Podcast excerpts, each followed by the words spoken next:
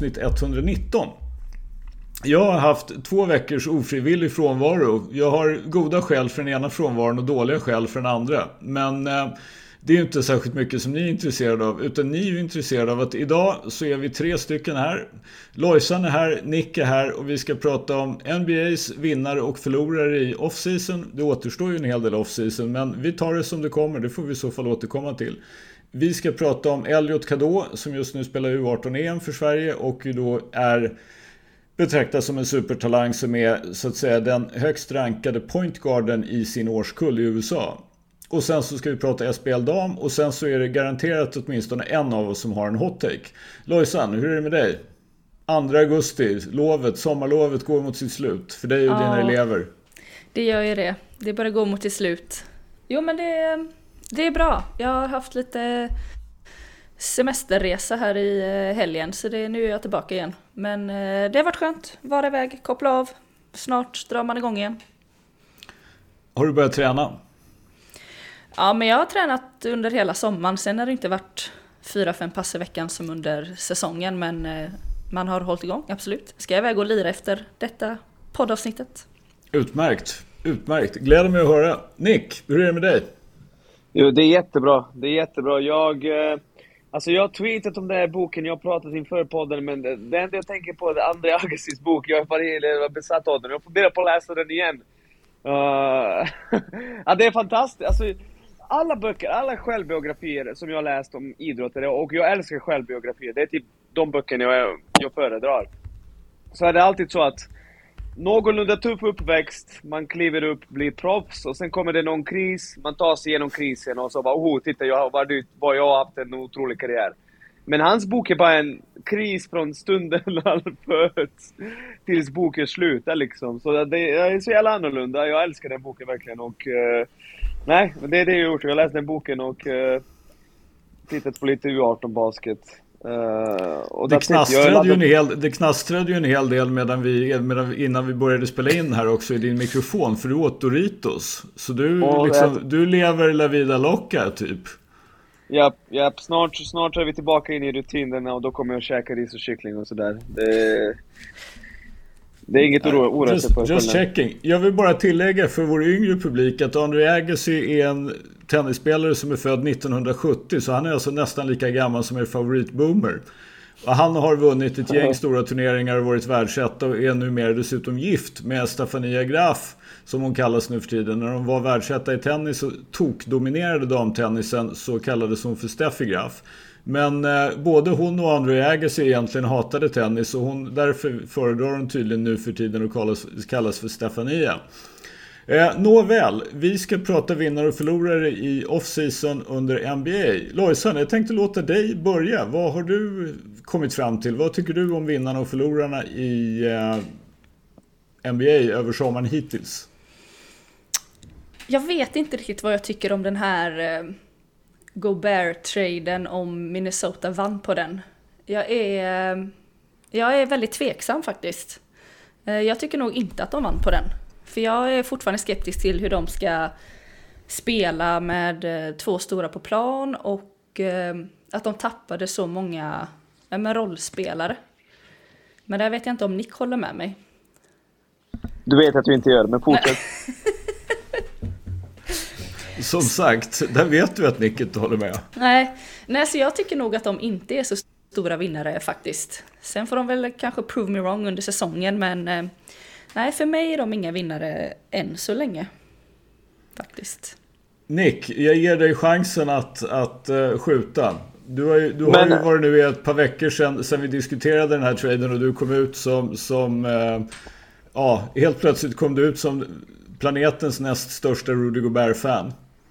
Nej men alltså, Louis ser massa rollspelare, hon nämnde inte någon av dem för hon vet att ingen av dem är liksom Patrick Beverly och Jared Vanderbilt och allt det där. Det där är ju bara liksom... Eh, jag kommer inte se skräp, jag kommer inte vara respektlös, men det är ju liksom... Det är ju... Låt oss säga att du har en väska full med liksom eh, saker och så tappar du ett par kallingar liksom. Skitsamma liksom. Det är inte, det är inte dina jeans som kostar 1 5 som du blivit av med. Uh, och, och sen de här pixen liksom, det är ju, man räknar ju med att Minnesota kommer stinka. Återigen, det, för mig känns det som att folk bara räknar med att Anthony Edwards inte kommer stanna i Minnesota och att Anthony Edwards inte kommer bli riktigt bra. Och jag bettar på, på motsatsen, att det kommer bli för jävligt bra och att han kommer stanna kvar. Så, ja. Men det är väl den populära picken för de största förlorarna, Louise. Eh, så jag förstår det. Alltså det roliga var, jag skickade ju gruppen tidigare idag att jag funderade på att ha, liksom, man skulle kunna ha samma vinnare och samma förlorare och då tänkte jag faktiskt på Minnesota. Mm. Jag, för... Vet du vad? Jag tänkte på det du skrev och jag kom fram till att det var det laget du tänkte på. ja, för att det, det jag tycker är alltså om man tänker på Minnesota, vad har de? De har typ vunnit en slutspelserie under hela sin existens på drygt 30 år. De har haft Kevin Garnett och det är ungefär det de är kända för. I övrigt så är de kända för att vara ett dåligt lag. Om de skulle råka gå till slutspel och kunna vinna en serie eller två och går till slutspel, det tror jag faktiskt att de gör med det här laget. Och jag tror till och med att de kan gå till slut, alltså teoretiskt kan de gå till slutspel utan att ens behöva spela play-in. Men går de till play-in så tycker jag att de är rustade för att kunna ta sig förbi det också. Eh, och då måste man ju säga det att för Minnesota med den klubbens historia så skulle det vara a win att ha ett lag som, som kan vinna alltså, i flera år i rad. Kanske 45-50 eller 50-55 matcher. Och gå till slutspel och vinna en slutspelserie eller två. Det skulle vara en vinst för dem givet deras historia. Däremot är ju problemet med alla de här pixen det är att man har magasinet tomt när Anthony Edwards är i sin prime. Då kommer Rudy Gobert att vara borta. Carl Anthony Towns kommer att vara, om inte borta så i alla fall förbi sin prime. Och då kommer Anthony Edwards 25, 26, 27. Och då kommer de förmodligen inte att ha liksom någonting i magasinet. Det är det som tycker jag gör Minnesota till förlorare. Men jag gissar att man med ny ägare och ny general manager och allt det där bara tänker att ja, men vi, måste, vi måste visa någonting här och nu.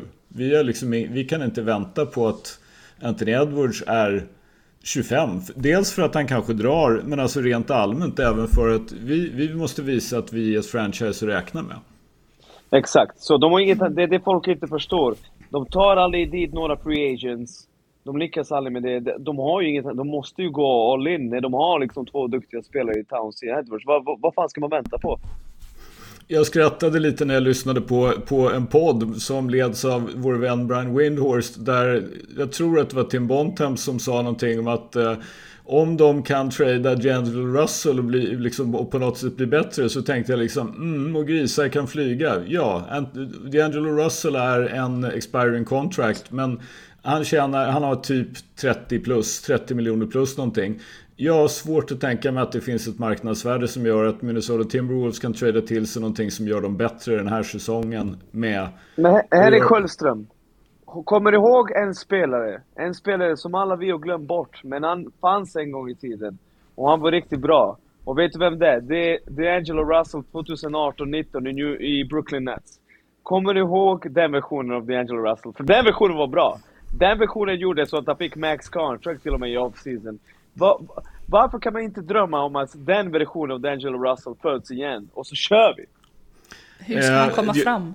Jag, jag, jag, tycker att det är din uppgift att drömma om det Nick. Som, eftersom du kör det här Minnesota-Cleveland-tåget så tycker jag att det är din uppgift. Men för oss andra undrar vi varför har du inte blivit bättre när du borde ha blivit bättre på de här tre fyra åren som har gått. Utan du tvärtom har för, förmodligen har blivit sämre. Ja, han har blivit sämre, tyvärr. Ja. Så, men, så det, ja. det, det, det, är väl det då. Men, men eh, whatever. Vad har du för vinnare då, Lojsan? Um, jag tycker att uh, eh, OKC har inte gjort så mycket, men de fick ändå, de har ett chet nu.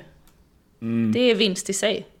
Alltså jag tror att de kommer, ja, sen la jag en hot take förra veckan att de går till um, till eh, semi tänkte jag säga nu. Nu får jag hold my horses. Eh, till eh, slutspel. Men eh, nej, jag tror att de, eh, de är vinnare i detta. Och kommer eh, lyftas något eh, rejält. Varför känns det som att Louise nämner OKC exakt varje avsnitt?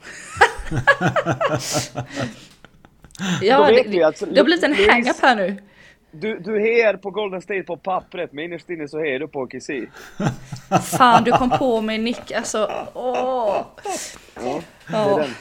Nej men Golden State tycker jag också, alltså de har inte tappat så många av dem signade Jamichael Green häromdagen som kanske kan tillföra något Men, eh, ja nej. Ja, men det, det är lite intressant med, med Oklahoma onekligen i det att, alltså apropå det jag sa om, om, eh, om Minnesota. Det var ju ett tag sedan Oklahoma City Tanker var liksom relevant för någonting som händer i NBA utom i fråga om att ha en skattkista med draftpicks de kommande sju åren. Mm. Och nu har de ju ändå i teorin liksom, de har gett Shea Gilgis Alexander ett maxkontrakt. Josh Giddy var lovande förra säsongen. De har betalat Lou Dort och de har då draftat Chet Holmgren. Så nu har de ju ändå, tror jag, för första gången på flera år ett intresse av i alla fall försöka ta reda på är det här någonting, är det här någonting bra? Alltså att man faktiskt spelar Alltså inte som man gjorde till exempel då när man hade Al Horford, att man bara bänkar Al Horford och säger liksom vi vill inte att du ska spela för vi tycker inte att det hjälper oss. Vi vill vara dåliga hellre än att du ska vinna sju matcher åt oss. Mm. Men nu är de ju då i situationen att, att förr eller senare så måste man ju gå för det. Ja, jag vill nog bara se dem lyckas. Jag vet inte varför, men jag bara känner, jag vill att det ska gå bra för dem. Det är mm. han Cutie som gör det. Ja, jag visste det. Precis, du, du, du har trillat för Josh Giddys ja, coola frilla. Det, det, är definitivt frillan. Ja, ja oh, det, det kan man ju nästan förstå. Nick, vad har du för vinnare och förlorare? Uh, min vinnare är Los Angeles Clippers. Uh, jag tycker att de vinner för varje dag Kawhi och Paul George får på sig att liksom bli hela och liksom inte behöver spela tävlingsmatcher. För jag ska säga som det är, jag håller Clippers som favoriter nästa säsong. Jag, jag vet att många inte gör det, men de har ju fan ett loadet jävla lag. De har ett riktigt bra lag. Och, och de har ju liksom... Deras liksom femte bästa spelare är Norman Powell. Är din femte bästa spelare Norman Powell, då är du riktigt jävla bra. Så det jag hoppas på är att liksom de kan bli friska. Jag är inte på Clippers på något sätt, det, det ska gudarna veta. Men de spelar i samma conference med Golden State. Och jag tror faktiskt att om de har liksom hela Kawhi och hela Paul George och sen har du liksom Covington som kan spela ruggigt bra försvar ute på perimetern, det vet vi. Norman Powell, Ivica Zubats. Uh, de har signat John Wall skitbra som backup-pigg, fantastiskt. Uh, om du ska ha honom på, för två, vad är det, två år, 13 miljoner. Hur bra som helst. Alltså jag tycker att det, de, är, de är fan redo att gå hela vägen. De behöver bara hålla sig friska. Ja, jag tror väl det är det som är den stora grejen som du avslutar med. Att de måste hålla sig friska. Ja, men alltså.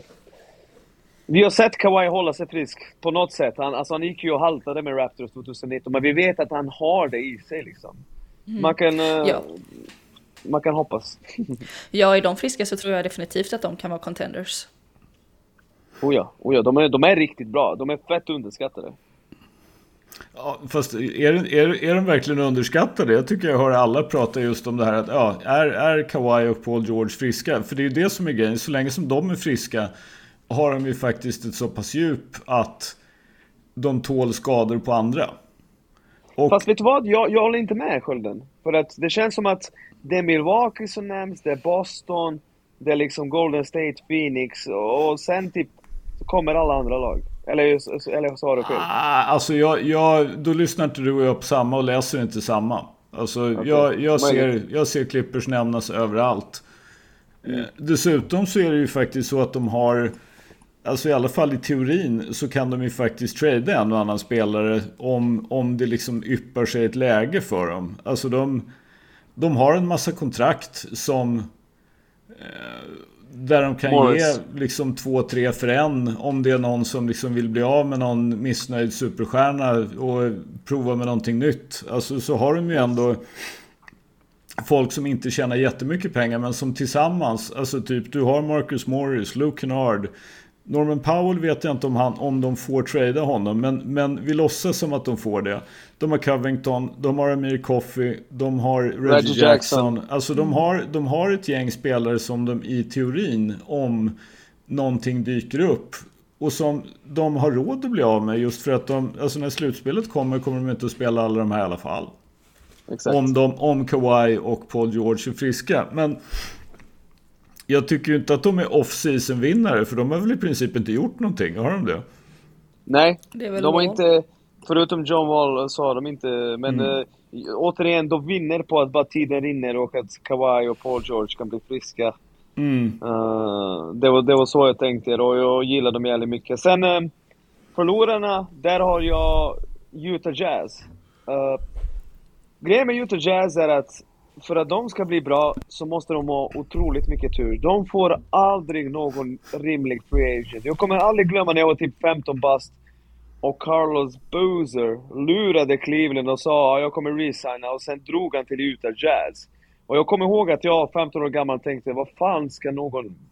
Varför ska någon flytta till fucking Utah för att spela basket? Uh, en som en stjärna liksom.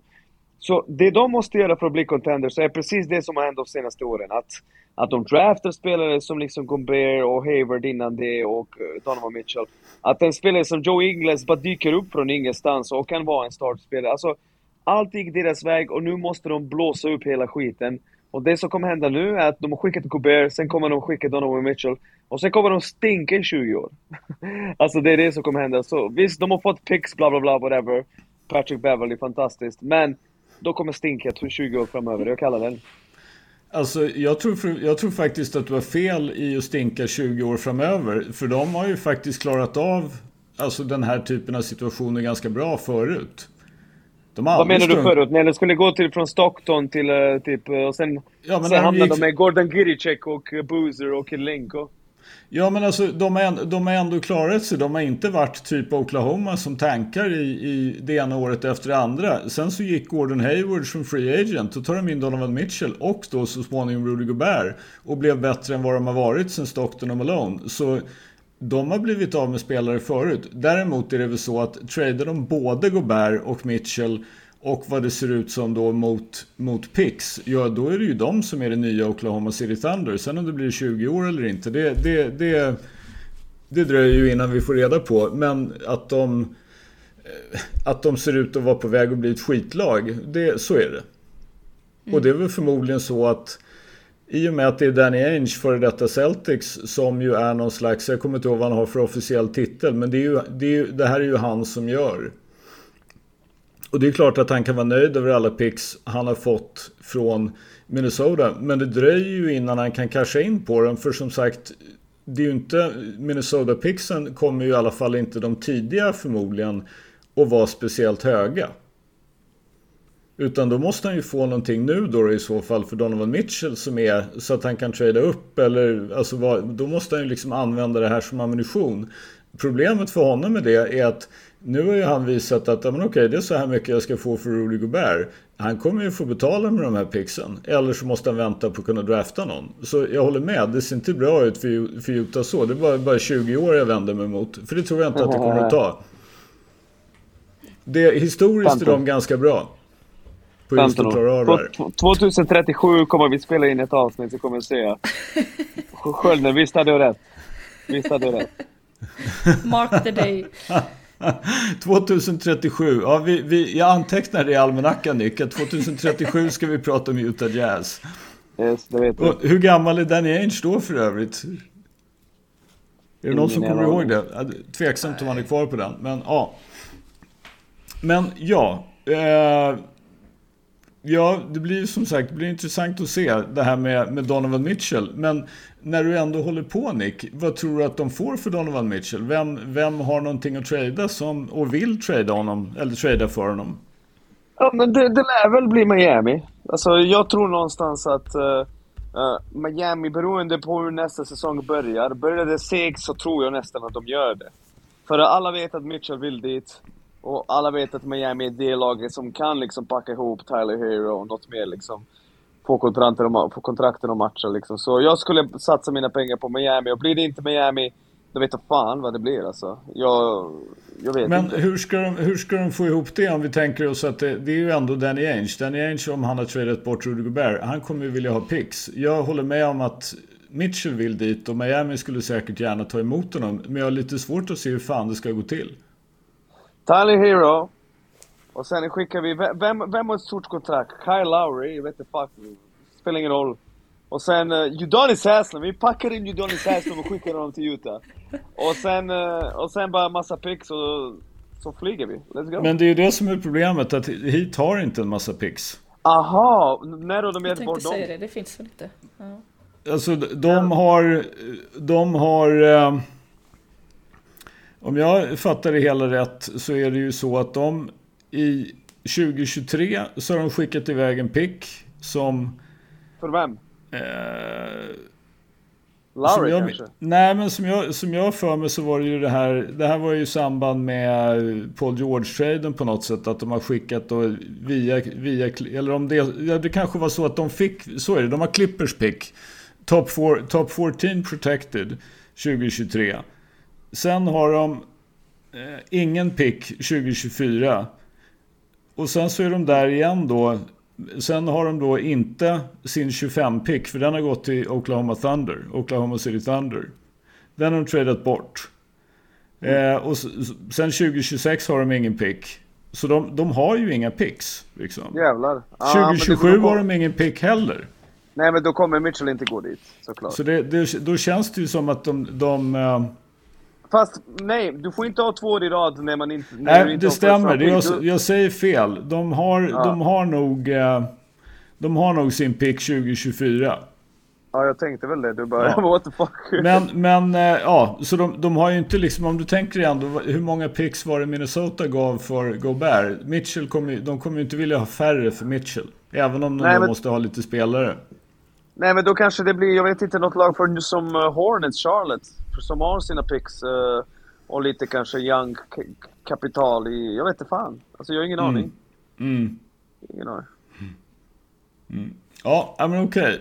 Jag eh, tycker hur som helst, om jag nu ska då titta lite grann på det här ur min horisont så tycker, måste jag faktiskt säga att jag hade, ju jag hade ju tänkt att prata om Minnesota, men det har vi redan klarat av. Men så jag får ju växla till att jag tycker att Philadelphia 76ers har gjort en fantastisk offseason. Ja men ska du, ska du härma Addis nu eller?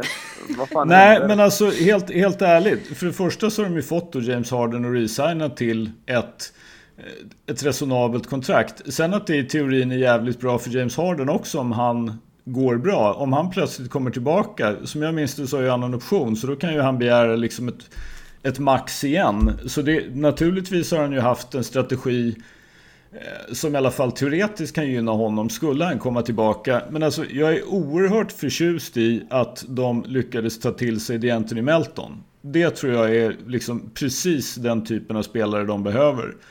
En snubbe som kan ha bollen, men som framförallt liksom är ovärderlig i försvar och liksom en, en, en snubbe som hasslar varenda sekund han är inne på plan. Eh, De fick betala alldeles för dyrt för PJ Tucker. Men håller, håller han ett år till så är också han precis någonting som, eh, som de behöver rent spelmässigt. Alltså någon som inte behöver bollen och någon som kan spela försvar på ett par, tre olika positioner. Och har spelat med Harden och vet var han ska stå för att få bollen i en produktiv situation. Och sen så har de ju då ytterligare en, eh, en gammal Rocket i Daniel House. Som, alltså där får man väl se lite grann tycker jag. Jag är, jag är lite sådär så jag funderar över, ja. Hur värdefull kommer han att vara? Men han har spelat, han har spelat med Harden förut och varit okej. Så jag tycker de har, de har helt enkelt fixat ett par av sina större problem utan att bli av med någon spelare. De har ju till, och sen har de ju då dessutom, teoretiskt så kan de ju, har de ju faktiskt en eller annan trade kvar teoretiskt att göra. Om någon skulle vilja göra något för Tobias Harris. De kanske kan få någonting att hända med Matisse Tybull, Therese Maxi kommer förmodligen att bli bättre. Eh, ja, de, och de har ett, ett och annat annat kontrakt liksom som de kan jobba lite grann med. Så jag, jag tycker faktiskt att de, alltså om vi tittar på intressanta lag, sen är det många lag som inte har gjort ett skit, typ Clippers som ju då förstås är bra också. Men, men jag gillar det Philadelphia har gjort. Ja, de eh, kommer nog bli roliga att titta på och se om de eh, lyckas få ihop allting på plan sen. Ja, men det är ju förstås, det, så, så, så är det ju alltid att, att eh, man får väl se. Men det, det är det jag tycker att de har. De har valt att tro på det de har men adressera Alltså så att säga ut, ja, men lite grann liksom på kanterna i, i, ute liksom i marginalerna. Det här är saker som vi har haft problem med och det tycker jag att de har fixat med framförallt då PJ Tucker och DeAnthony Melton. som ge, ge, kan ge dem liksom en helt annan, en helt annan look. Eh, sen så finns det ju många, tycker jag, teoretiska förlorare. Jag skulle ju till exempel kunna tänka mig att säga att Miami är förlorare. Därför att de blev av med PJ Tucker och inte har lyckats ersätta honom och de behöver en spelare av den typen. Och jag ser inte hur de ska kunna trada till sig Donovan Mitchell utan att, alltså jag fattar inte hur det, jag fattar inte hur det ska gå till utan att de ska liksom barskrapa, barskrapa sitt lag så. Och de var ju då en Jimmy Butler 3 ifrån finalen i fjol och det är ju liksom det enda som räknas för dem. Så. Eh, sen så tycker jag faktiskt också att Phoenix är lite förlorare. Som ju inte egentligen har gjort, alltså de har ju inte gjort sitt lag bättre. Chris Paul är ett år äldre och motvilligt gav de DeAndre Ayton pengarna. Och de kan inte trada DeAndre Ayton. Så man kan ju tänka sig att det finns lite intriger kvar i det där, i det där omklädningsrummet. Och de gick 64-18 i grundserien. Men de åkte ut med svansen mellan benen i slutspelet. Och alltså... Ibland, det finns lag som bestämmer sig för att ja, men det där var pinsamt, det här måste vi göra någonting åt. Att man liksom går ihop. Men ibland så krävs det kanske också en liten aningsförändring. Och de har mig veterligen i praktiken inte gjort någon sån. De har typ släppt JaVale McGee och hoppas att Dario Saric ska komma tillbaka. That's about it. Oh. Du glömde nämna att de har signat Bismack Biyombo baby. Kom igen. Visa respekt. Ja, alltså jag, jag älskar Biz. Det är inte det. Men, men ja. Han är inte bra. Han, det roliga var att han var ju faktiskt rätt produktiv när han fick spela med, med Chris Paul. Det, det är ganska mm. enkelt att vara rim running center om du spelar med Chris Paul och Chris Paul är i form och, och frisk. Liksom. Men ja. Mm. Eh, och den som, den som undrar nu när jag pratar om en massa lag som har stått still och inte gjort någonting. Varför säger du ingenting om Chicago Bulls som förlorare? Ja, därför att förhoppningsvis så kommer Lonzo Ball tillbaka frisk. I can't believe I'm saying this. Men Bulls var mycket, mycket bättre med Lonzo Ball i laget än vad de var utan. Och sen så kan man ju då hoppas på att Patrick Williams, som ju är, har fått smeknamnet The Paw för att han skulle vara någon slags yngre kopia av eh, Kawhi Leonard. Det kommer han förstås inte att bli. Det, men det är två spelare som i princip inte, som inte spelade särskilt mycket för Bulls förra året. De kommer tillbaka när Bulls var bra till en början på säsongen så ledde man ju faktiskt East en period. Sen gick Alonso Ball ner, Patrick Williams var borta, Caruso var borta. Och framförallt Caruso och Alonso Ball skulle jag säga var spelartyper som bara inte kunde ersättas. Alltså Bulls var dåliga i försvar utan dem. Men var bra i försvar med dem. Så det jag, jag tar approachen vänta och se om, om ja, men är folk friska, hur ser Bulls ut då? Då tror jag faktiskt de kan vara helt okej. Okay. Nej, du spottar sanning Skölden. Du spottar sanning som vanligt. Det gläder mig. Ska vi säga att vi är nöjda så? Vi vet ju att vi kommer att få återkomma med det här. Förr eller senare händer det ju någonting med Kevin Durant eller Donovan Mitchell eller Kyrie Irving. Så mm. vi, vi kommer ju ha, vi har ju två månader på oss med, med off-season och pre-season. Och kommer LeBron att signa ett kontrakt med Lakers? Det finns ju hur mycket som helst att diskutera om, om off-season.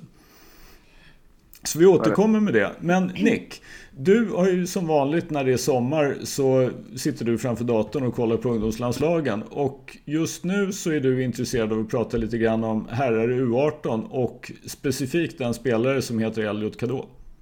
Kör! Ja, Louise, det, det kändes som att du ville se något innan. Ville du se något? Nej. Nej, nej, okej, okay, okej. Okay. Ja, men... Uh, Kör du! Uh, ja, Okej, okay, ja men eh, uh, U18-landslaget har spelat två matcher hittills. Det, det är det landslaget som har gått trögast den här sommaren. Uh, man såg det i Nordic Cup också, och man ser det även nu. Och liksom... Vissa, vissa, alltså man kan inte skylla grabbarna för något. De gör sitt bästa liksom. Uh, och uh, spelar på. vann mot Österrike genom att sätta en press efter första halvan. Spelade inte bra mot Belgien alls. Uh, saknas, ska, saknas folk som kan sätta öppna tre poängare saknas folk som kan avsluta nära korgen. För det känns som att man hittar ganska bra lägen väldigt ofta. Det finns ljusglimtar. Det finns, jag tycker att Kermori William har varit bra. Han är en snubbe som signade med Södertälje väldigt tidigt, som 15-åring. Och fått sitta mycket på bänken, men han har ju utvecklats och blivit bättre. Kul att se. Sen tycker jag att Tunde Fasasi har visat att han är riktigt bra. Det är en mm. spelare som jag tror på potential att bli A-landslagsspelare i framtiden. Uh, så det finns absolut uh, ljusglimtar, men den spelaren som... Alltså anledningen till att väldigt många tittar på de här matcherna är ju såklart Elliot Jadot. Uh, mm. Och vi har redan pratat om honom, han är ju väldigt högt rankad, bla bla bla. Och det känns, ibland känns det jobbigt att prata om honom så här mycket för att han är ju fortfarande ett barn. Han är ju en kid liksom. Men samtidigt så känner jag att det är så här hans liv kommer att se ut resten av hans professionella karriär.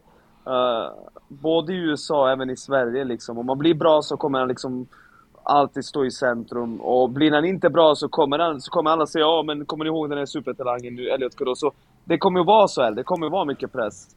Uh, och det är ju inte schysst för att han är, han är 17 år gammal. Han fyller inte 18 förrän om en, en två månader tror jag.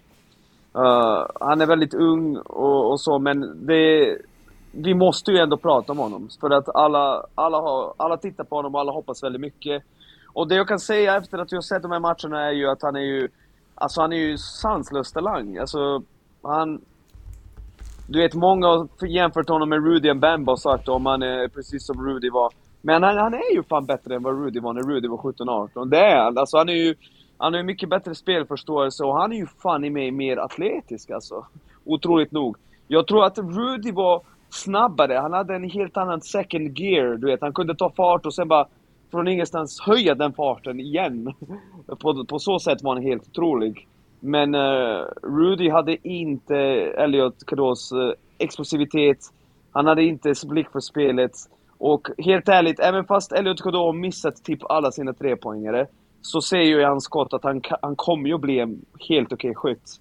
Uh, hans bössa ser ju helt okej okay ut. Han måste ju bara sätta dem liksom. Uh, och vissa matcher, jag vet att han är streaky. I USA så har han skjutit jävligt bra hela sommaren. Med landslaget så har han inte gjort det.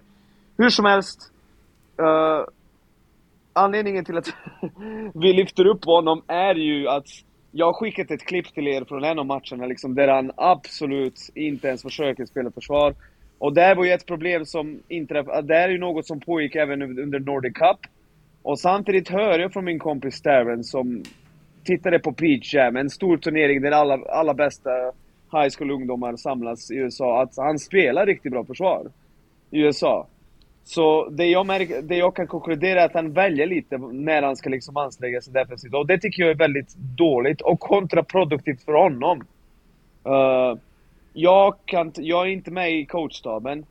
Men jag kan inte tänka mig att någon av coacherna sagt, tagit honom åt sidan och sagt okej okay, Kado, vet du vad? Nu, nu räcker det liksom. Nu måste du liksom ta i hela tiden. För att grejen med honom är att när han väl bestämmer sig att spela bra mot en försvarare så går det ingen förbi honom. Han kan, jag ser ju att han kan. Men han väljer när han ska lira försvar och när han väljer att vila i försvaret, för det gör han aldrig i anfallet. Han måste bära väldigt tungt lass offensivt. Så liksom, han bara struntar Han bara struntar i att spela försvar liksom. Och pff, det är sådär. Och jag tycker inte att det är rätt väg att gå. Jag tror att han skulle gynnas väldigt mycket om att spela riktigt bra försvar. För om vi har sett någonting i VM-kvalet så är det att guard som kan sätta press och guard som kan ta sig igenom screen är fan ovärdeliga. Vad heter han i, i finska landslaget? Uh, Miro Little? Nej, nej, inte Little, utan de, de har en snubbe som är fan... Han är ju fan kass offensiv spelare, men han bara tar sig genom screens och spelar försvar. Vad heter han? Ilari Seppele eller något sådär heter han. Okej. Okay. Ja. Det är typ deras tredje eller andra PG. Eller han har ju för sig starten men, men hur som helst, hans styrka är att han sätter bollpress och han tar sig fan genom screens. Och stör folk som Ludde Håkansson och sånt där. Du kan ju bokstavligt talat göra karriär av det där. Uh, mm. och jag tror inte att han har förstått det riktigt. Så jag skulle vilja se honom spela försvar. Uh, sen måste jag säga en sista grej innan jag avslutar. Elliot är en snubbe som spelar basket året, året runt. Så liksom... Jag kan förstå att han kanske är trött för bortsett från, han hade en period på två, tre månader då han var skadad under high school season i den här säsongen. Då var han borta. Bortsett från det så har han lirat matcher konstant i typ tre år i rad. Så jag fattar ju liksom att killen kanske är trött och sådär. Men han måste ju, han måste ju försöka spela. Det, det går inte så här. Jag, jag är väldigt missnöjd med den biten. Men ser du någon, vad, vad, ser du som ser de här matcherna? Vad ser du för tendens om vi bortser från alltså vad man ser så att säga Elliot göra eller inte göra? Hur ser liksom resten av laget ut? Hur reagerar de? Vad, vad säger liksom, hur ser det ut att coachstaben tänker om det här? För det är ju få, få coacher i Sverige ändå som, som kommer någon vart utan att ha på något sätt en, en eh, ja, man ska alltid tänka liksom på laget och man ska tänka på att spela försvar. Och, ja, men... Eh, ser men, du vet vad, det, Men det är det som är intressant. Jag känner att hela laget har ganska låg energi defensivt. Det känns nästan som att det smittar av sig. Och sen kommer en kille som exempelvis Mikael Klintman in som är absolut inte i närheten av att vara lika talangfull som uh, Elliot, men han liksom... Han är liksom en blodhund i försvaret och då märker jag att liksom... Till och med när både han och Elliot spelar tillsammans att intensiteten höjs i försvaret. Förstår du vad jag menar? Mm. Men om det, om det är Elliot som måste visa vägen defensivt, då, då blir som... Då slappnar ju liksom alla av. Jag kan väl också tycka, på det du sa med energin, att energin är allmänt låg. Alltså tittar man på bänken när, när kameran går förbi sig. Liksom, folk bara sitter. Typ så, så att man inte ser nästan ut som att man inte bryr sig. Vet du vad Louise? Det första jag märkte med det här landslaget är skillnaden i hur de sjunger nationalsånger jämfört med U20-landslaget. Det är faktiskt det första som slog mig. För U20-landslaget, de tog ju fan i. Och jag vet att vissa kan tycka att det här är en löjlig grej. Men jag håller helt med dig. Alltså energin överlag är lägre än om vi jämför med U20. Uh, eh, så ja, sen, sen får, vi, får vi säga att vi får inte skylla där på Elliot. Nej, nej, jag tycker säga, inte men, alltså, ja. hans energi utan laget i allmänhet. Alltså det är ja. lagets energi som jag tycker inte är liksom som jag kan tycka att den borde vara. Alltså jag tycker mm. det är en talangfull grupp men det är liksom inte det här typ den extra hypen utan det går lite i vågor upp och ner och jag tror att, Exakt. att om de kanske ger varandra mer energi att de också kan spela bättre. För du, du var inne på det också att de missar väldigt mycket. Det har varit mycket missade layups och då blir det lite hänga med huvudet. Men om någon bara säger men vad fan, sätt nästa istället eller nu kör vi på. Så kanske det blir att man sätter nästa istället istället för att det blir tre missar i rad. Alltså mm. energi gör ju väldigt mycket och kan ju verkligen vända matcher. Det är sen, lite sen, sen, är det så att alla grupper funkar olika, så vissa grupper mår bra av att liksom, förstår du vad jag menar? Men de flesta mm. grupperna behöver ju den här energin. Uh, så är det. Sen, och, och, du vet, nu, nu känns det som att vi kastar under bussen kanske coachstaben. Det gör vi inte heller. Men, nej, nej. Sam, men samtidigt så är det så att spelet har inte sett bra ut under hela sommaren liksom. Och, och, och, och sen en sista sak innan skölden tar över, eh, som jag vill säga, är att och, och, där är det kanske något jag är mest imponerad över när det gäller Elliot, är att hans passningar hela den här sommaren har varit helt otroliga. Han är en ruskig passare. Alltså, några passningar, jag vill att ni... Skölden, när du har tid, se på någon match. Alltså, hans passningar är helt otroliga. Och han kan slå både hockeyassist och en avgörande passning. Eller pusha bollen i kontring och hitta någon som är helt öppen. Han är en makalös passare. Han gör många saker på en nivå vi bara inte ser i Sverige. Och den här grabben, han kommer ju fan bli bra. Men man måste ändå även få vara kritisk och se som det är liksom. Och, och det är ju, kritiken handlar ju om försvaret. Ja, men alltså, jag har ju sett lite highlights. Nu har jag inte sett, nu har jag inte sett eh, några hela matcher i det här EMet. Jag ska, jag ska försöka göra det. det är ju, Sverige har ju en match kvar i det här. Och det är mot Finland som hittills är obesegrade. Och ju bland annat då har Miro Little som var med A-landslaget och faktiskt till och med mm. såg golvet när eh, Sverige förlorade mot Finland senast i VM-kvalet så spelade de ju Miro Little. Så yes. Han är ju deras liksom Elliot Kado eller vad man nu ska kalla det för. Men Finland är då 3-0 i det här mästerskapet och Sverige 2-1. Så Sveriges chans att vinna, vinna gruppen är ju att, eh, att slå Finland i den här matchen. Jag kommer inte ihåg vad Finland, för det är ju så, Belgien leder just nu gruppen men de förlorade mot Finland och slog Sverige med 10. Jag kommer inte ihåg vad eh, de torskar mot Finland med 30 typ. Så ah, okay, Finland ah. kommer mest troligt köra över Sverige imorgon, tyvärr. Mm, mm, mm. Nej, det, det, det är väl inte orimligt i och för sig. Det, det, om, om det var, å andra sidan, vi vet ju att eh, Slovenien krossade Kroatien med 30. Sen så var Sverige faktiskt torskade Sverige bara med 3. Så Eh, låt oss inte kasta Elliot Kados yxa i sjön riktigt än. Men eh, eh, det, det jag tycker, det, det som jag kan tänka mig också gör situationen då med Elliot Kadå lite knepig för coachstaben. Det är just det här att han är inte han spelar inte citationstecken hemma i Sverige. Det är ingen de har sett massor. Det är ingen de har kontakt med liksom på daglig basis eller ser liksom när det är matcher i Sverige. Eller, utan det blir på något sätt att ja, men här kommer den här killen in som är väldigt, väldigt hypad i USA. Och förstås är vi också hypade som fan. Och får chansen att coacha någon med den här talangen. Så det, men det betyder ju inte att, att man måste bara ja, men på något sätt tycka att allting är hunky dory. Jag tycker det är helt rätt att, att vi, vi behöver ju som sagt, det här har vi också sett, inte bara i svenska landslag utan i många lag, att det ibland är svårt att få ihop ett lag med en så dominerande spelare. Vad gör resten av laget? Det här kan ju bidra till att det liksom blir eh, låg energi i övriga gruppen om man tycker att liksom, ja, men han är på en nivå vi inte riktigt är. Hur, hur ska vi ta oss dit? Alltså att man, man blir passiv. Inte att mm. man är, har dålig stämning eller att, utan bara just det här att man helt enkelt kollar på den som är bra istället för att spela själv. Alltså det finns ju många saker som man måste hantera både som lag och som grupp och som individ och då coachstaben. Så ja, hur enkelt är det att coacha då det här laget? Förmodligen inte särskilt enkelt. Det, det tror jag inte. Så det är som sagt, vi är inte ute efter att slänga någon under bussen. Tvärtom så är Verkligen. vi väldigt optimistiska inför Elliot Kadås framtid. För det finns ju saker också som tyder på, tycker jag, på att Elliot Kadå är en jävla bra snubbe. Mm. Ja, det är det man har fått höra liksom. Att, uh, ja. Han är väldigt bra snubbe, kommer en bra, från en bra familj. Det, han, han kommer inte ha samma problem utanför planen som Rudy hade när han var yngre. Så kan vi liksom... det, kan, det kan vi ju konstatera. Uh, och... Som sagt, han spelade i den här Peach Jam-turneringen där, alltså alla de här, LeBrons son var ju där, han som är rankad nummer ett i 2023, DJ Wagner eller vad fan heter det där. Och eh, alltså, vissa säger att han var den bästa garden i hela turneringen, så han, han är ju otroligt jävla bra. Så det, det vet vi liksom. Men samtidigt, jag skulle vilja se honom spela de här matcherna i augusti exempelvis, eller byta om. Och du vet, ska man slänga in honom då måste han göra samma saker som Miro Little gjorde när han spelade för Sverige. Vilket är, gissa vad? Sätta bollpress på garden i andra laget och ta sig inom screens. För låt oss se att vi har ett scenario där Kadå kommer in och spelar två minuter mot Tyskland. Han, ingen kommer be honom att sätta två tre poängare.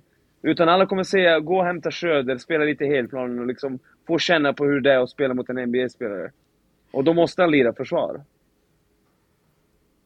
Mm. Håller med. Skölden, har du mutat dig själv? ja, jag har faktiskt mutat mig själv. Diktator, jag, kör, jag kör en inverterad diktator Johansson. Eh, så, så kan det gå. Men eh, det jag tänkte säga var att alltså, det är ju en bra tidpunkt med just augusti för Kadå. För då måste ju inte han vara tillbaka i USA. Han är ju alltså teoretiskt tillgänglig. Eh, mm. Det är väl mer en fråga om att det är... Kom, Sverige möter ju Tyskland i Globen den 25 men vi möter Israel någon dag eller två tidigare va? Ja, vi möter Tyskland på Hovet. Ja, Hovet, inte Globen. Hovet. Eh, Israel på bortaplan. Men och Israel är före matchen mot Tyskland, är det inte så? Nej, jag tror det är efter.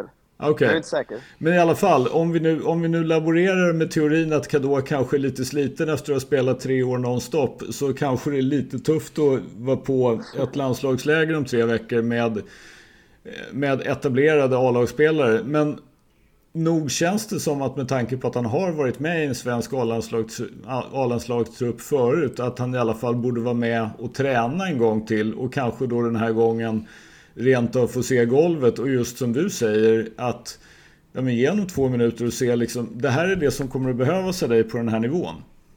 Du måste, du, måste, du måste på något sätt prestera ett vettigt försvar eh, om, om du inte är alltså, typ på Trae Youngs nivå. Och vi vet ju alla att det vore bra om Trae Young presterade lite försvar också. Ja, exakt, eller hur? Eller hur? Det spelar ingen roll hur bra du är liksom. Är du en Steph Curry så måste du lära dig vara en decent försvarare. Annars kan du inte vara rankad som liksom...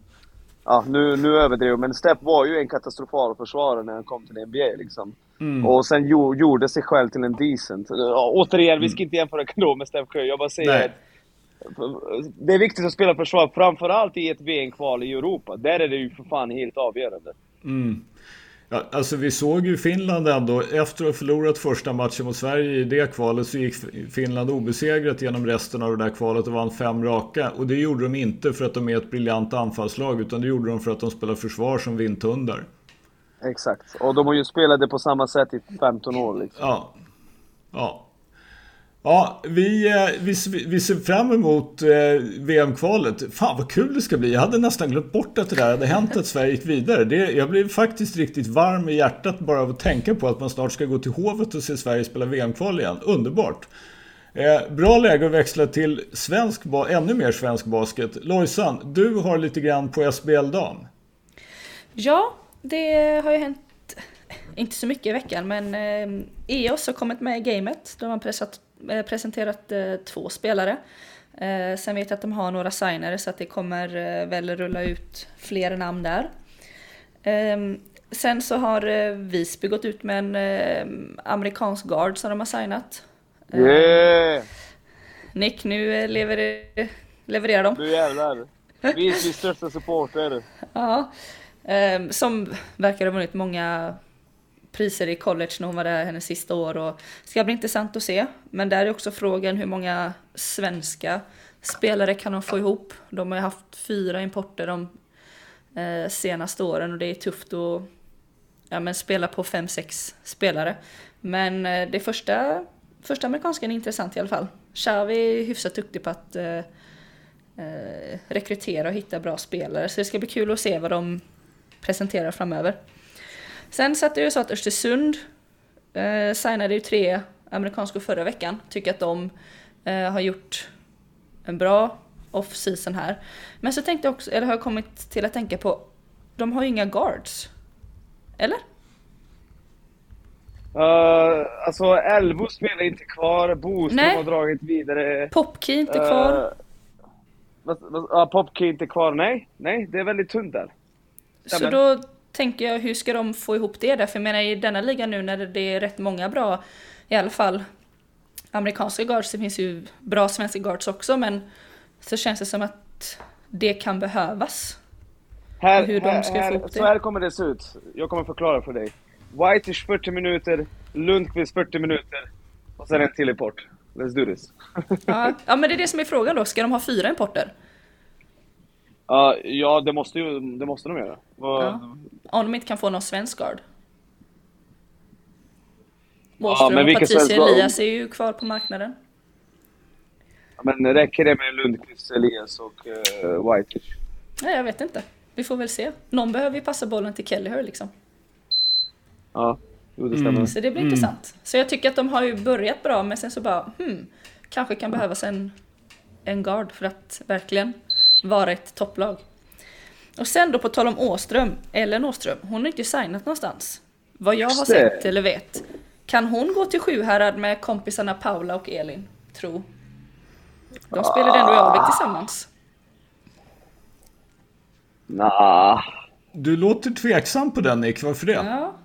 Varför ska hon flytta till Borås? Har ni, har ni någonsin varit i Borås? Ja men alltså liksom... det, det, vi förstår helt och hållet att ja, vi jag inte... fattar den tanken. Jag, jag och Lojsan är inte på väg att flytta till Borås. Så tro oss, vi, vi fattar. Men eh, här, här har ju hon faktiskt trots allt en anledning. För det verkar väl inte rimligt att tro att hon blir kvar i Södertälje?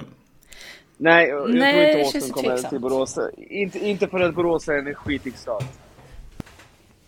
Nej, men de skulle ju behöva en eh, guard. De Absolut. behöver ju spelare. Sen... Eh, Men ja, du, Louise, det, Louise det, finns ett lag, det finns ett lag i SBL Dam som absolut inte behöver fler guards och det heter Högst på Basket som nu i veckan värvade en till freaking guard. Alltså, Ey, turn up! Ey, det, det, är, det Högst håller på med är ett galet experiment. Hela basket-Sverige undrar vad fan är det som händer? Hur många spelare som är ett på position 1, 2, 3 ska ni ha? Alltså, va, vad gör ni? Äh, hellre med för många än för få. Men slut. Alltså, jag, nu är jag seriös. Alltså, ni är för många. Nick, nu, nu börjar du få lite dåligt ljud där. Nu får du hålla mikrofonen lite stilla och inte hålla på och vimsa runt. Nej men jag okay. förstår din eh, tanke. Det är klart att det blir tufft med eh, att man kanske har många men samtidigt så kan man rotera, alltså rotera väldigt bra på det. Um, för, vi för om jag ju... förstått... Ja, ja, kör. Nej, kör du. Nej men för om jag förstått rätt så är det även hon i amerikanskan som är 1,80. Hon är liksom en 2-3. Nej, hon, ska, hon är guard. Är alltså Är hon också 1-2? Ja. Men alltså va? Det är ju...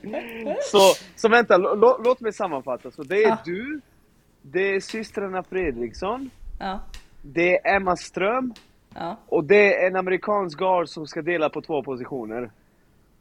Ja, ja. Typ. Okay. Men jag är sån stretch-guard. Jag spelar, jag spelar 3-4 också. Small ball rules Nick, det vet väl du? Exakt. Det finns ingen i hela världen som vill att det här experimentet ska funka, men jag är lite... lite ja, jag, jag är väldigt nyfiken på hur det här ja. kommer att se ut när det väl är ja. dags att lira. Nej men du får vara skeptisk. Det kanske går åt skogen, vem vet? Men... eh, jag tycker det ska bli spännande i alla fall. Och se hur Selma ja, får ihop det. Det är hon som eh, har valt laget liksom. Eh, apropå förresten det som de spelare och det lag du nämnde Nick, Alvik, vad har vi där? Nej, inget nytt jämfört med förra veckan, jag vet inte. Alltså jag vet faktiskt inte. Nej, de jo, har inte signat. De, de har ju signat uh, hon från Helsingborg som var riktigt bra förra säsongen. Debbie, vad heter hon? Debbie Allen heter hon va? Debbie Allen, ja. Ja, hon, hon, jag gillar hennes game jättemycket så ja, de, de signade ja, årets uh, stjärnskott på förra säsongen så det är bra, det är bra signing. Mm, Okej, okay. härligt att höra, alltid något. eh, för oberoende av att jag skulle tycka det var kul om eh, Sjuhärad gick till semifinal, inte minst då för Hubbes skull, så tycker jag också att det skulle vara bra om vi har lag som är kvalitativa och är bra. Och någonting måste ju gått åt skogen för ganska många lag om det lag som kom sist ena året går till semi andra. Det räcker ju inte bara med att de blir väldigt mycket bättre. Därför skulle det vara trevligt om de här lagen eh, höll en standard. Håller en standard. Så är det. Så är det. Mm. Nåväl, är vi nöjda med SPL Dam så är det ju dags för det som Hubbe redan har bjudit på det. Men nu är det dags för oss att ha hot takes. Nick, vad har du, på, vad har du att bjuda på den här veckan? Nej, jag skippar över den här veckan också. Det, det är en kall period för hot takes. Här. Herregud. Alltså vad händer? Har, har, har du blivit mutad av Addis? Men jag, jag, behöver ha Stefan och Johansson och Addis. Jag behöver ha alla på plats för att liksom, jag ska ha inspiration. När vi är tre liksom, vem ska jag bråka med? Ska jag bråka med er två? Alltså det, jag, jag har ingen lust att bråka med er. Eller jo, Sköld med dig ibland. Men det, är inte samma sak. Jag lovar, har vi full trupp så kommer jag med årets bomb. Okej. Okay. börjar svinga. Alltid något. Lojsan, har du någonting? Ja, men den, den är väl kanske inte så het, men um, jag säger att uh, Nässjö går till final nästa säsong. Oh! Det är ju för fan oh! en bomb! Det, det är en hot take. Jag tror att Hubbe tittar på dig med stor respekt just nu Lojsan. Ja. Jävlar! Motivera! Nej men jag tycker de eh, har intressanta eh, signingar som de har gjort. Eh, och de har kvar vissa nyckelspelare och eh, jag tror de är väldigt hungriga efter den säsongen som de hade i år. Att eh, vilja komma längre. Så jag tror att de eh, tar sig till final. Den, den är tung. Den är, den är riktigt tung. Vad, vad tror vi? Om, om Nässjö är liksom typ tvåa i SPL efter 20 omgångar, kommer David Höök hem från Spanien då? Vem vet? Det, det skulle ju faktiskt vara en... en eh, den skulle vara tung. Äh, nu, drog, nu drog jag ju bara något ur hatten där i och för sig då, men, men äh, ja. Ja, nej, spännande lagbygge helt enkelt. Ja, det skulle ju alltså, jag är ju helt för det här att, att ett, att lag svingar och, och går för och försöker åstadkomma något och verkligen gör någonting. Men det är också kul när eh, gamla hundar får lära sig att sitta på ett nytt sätt för att det kommer en ny hund och visar upp sig. Så jag ska inte säga att jag hoppas att du får rätt, men jag skulle verkligen inte ha någonting emot om, om Nässjö gick till final. Det skulle vara superkul. Det skulle vara en sån här eh, härlig skräll. Och dessutom är det faktiskt kul med Nässjö som ju på något sätt, tycker jag, har gjort det här som du ofta pratar om Nick. Har ju på något sätt byggt det här laget och den här föreningen och sin närvaro i SPL på ett ganska klokt sätt. Mm. Verkligen. Verkligen. Liksom ett, ett steg i taget. De har inte försökt att, att köra något snabbspår som ju oftast bara slutar mot en fet jävla betongvägg. Och så får man lägga ner Exakt. eller börja om någon helt annanstans. Ja. Nej, de har exemplariskt jobb på hur man ska sköta en, ja. en liten förening i högsta ligan. Och eh, Nässjö har ju en eh, Max-restaurang nu. Så det går ah, bara ja, framåt. Ja, oh, ja, jag hört det. Oh, då kanske, du säger alltså att Nick kan tänka sig åka till Nässjö i vinter? Tänk, tänk, nu behöver du inte pendla tre mil om du blir sugen på en burgare. Fatta det. Fatta det liksom. Ja, härligt. Eh, min hot take är, handlar ju om, eh, förstås om NBA, men jag måste säga att jag, är lite, jag funderar ju på vad som händer med Kyrie Irving och Kevin Durant och kanske framförallt med Kyrie Irving. Allting har ju faktiskt brunnit inne för Kyrie Irving. Och hittills är jag rätt nöjd med det här, för jag sa ju att han skulle bli kvar i Nets på sin option. Och än så länge i alla fall är det sant. Och vi får väl se om det fortsätter att vara sant. Och vi får väl se vad som händer med Kevin Durant. Men eh, alltså har vi haft någon spelare som har gått från att så att säga ha Kyrie Irvings liksom status och hur eftertraktad han har varit och hur mycket man respekterar hans spel till att han inte ens kan få ett erbjudande från en annan klubb. Hans sponsor har gett upp på honom. Han fick inte förnyat med Nike.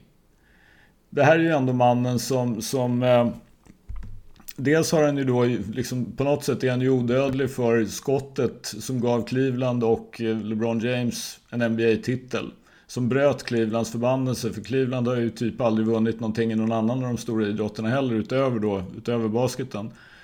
Eh, så i dagsläget så känns det ju som att Kyrie Irving har dribblat bort alla sina möjligheter. Och när, alla hans, när han har dribblat bort alla sina möjligheter så får han dessutom se vad som ju framstår som hans bästa vän i världen, eller i alla fall i NBA. Kevin Durant säger att liksom, nej, jag vill nog härifrån.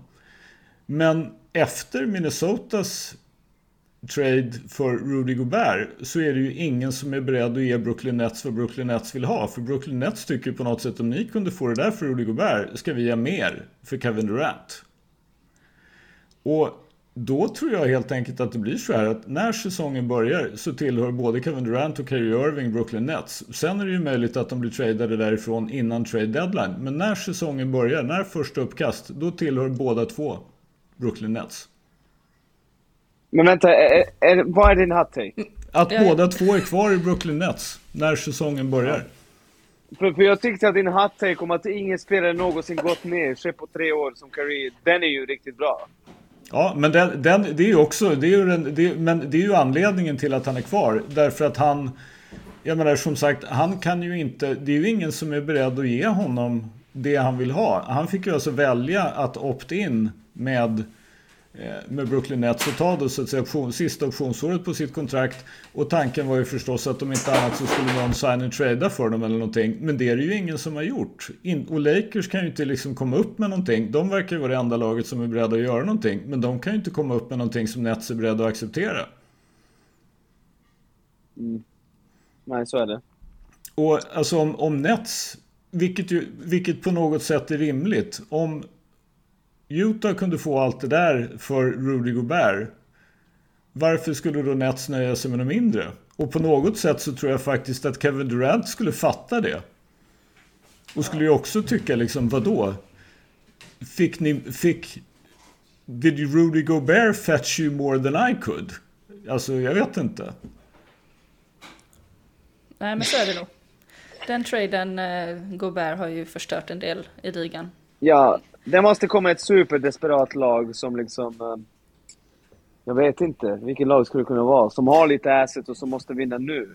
Nej, men, och fram, framförallt är det ju dessutom så här att alla lag som svingar för Kevin Durant vet ju dessutom det att ja, han har fyra år kvar på kontraktet men han har just bett om en trade från Brooklyn. Om han inte kommer till något av de lag han vill spela för och dessutom ett lag som just har gett bort alla chanser att vinna någonting då kommer han inte vilja vara kvar där heller. Då är det ju helt poänglöst att trada för honom. Mm. Eftersom hans värde kommer att... Alltså, han, fyller en, han har inte fyllt 34 än va? Jag tror att han fyller 34 i år. Hans värde kommer ju inte bli högre än vad det är just nu. Så är det. Det, det tåget har gått, liksom, även om han har fyra år kvar på kontraktet. Det är ju, alltså, vi är alla chockade, eller ja, chockade, men, men i alla fall så respekterar vi LeBron James för vad han kunde åstadkomma som 37-åring. Vi är inte helt säkra på att Kevin Durant kan göra så jävla mycket bättre när han är 37. Och då är inte tradevärdet högre när han är 37 än vad det är nu. Tvärtom, det kommer att vara lägre. Indeed. Så. Så här skulle man ju då kunna lägga till en bonus hot take, men det tänker jag absolut inte göra. Men det ska bli fantastiskt kul att se vad Brooklyn Nets kan göra om de då startar säsongen med Ben Simmons, Kevin Durant och Kyrie Irving. Det är fan inga dåliga spelare. Helt okej. Okay. Men eh, grattis Steve Nash då, höll jag på att säga, med viss ironi i rösten. Grattis att försöka få ihop det här. Lycka till! Ja. Har vi något mer eller är vi framme vid att eh, vi har nått the bitter end? Det slut som vi alla inte har väntat på men som kommer när man som minst anar det och där vi säger tack för idag. Glöm inte att bänken aldrig ljuger. Ha det bra och så ses vi på Hovet den 25 augusti när Sverige möter Tyskland i VM-kvalet. Ha det bra, hej då! Ha det bra! Hej då!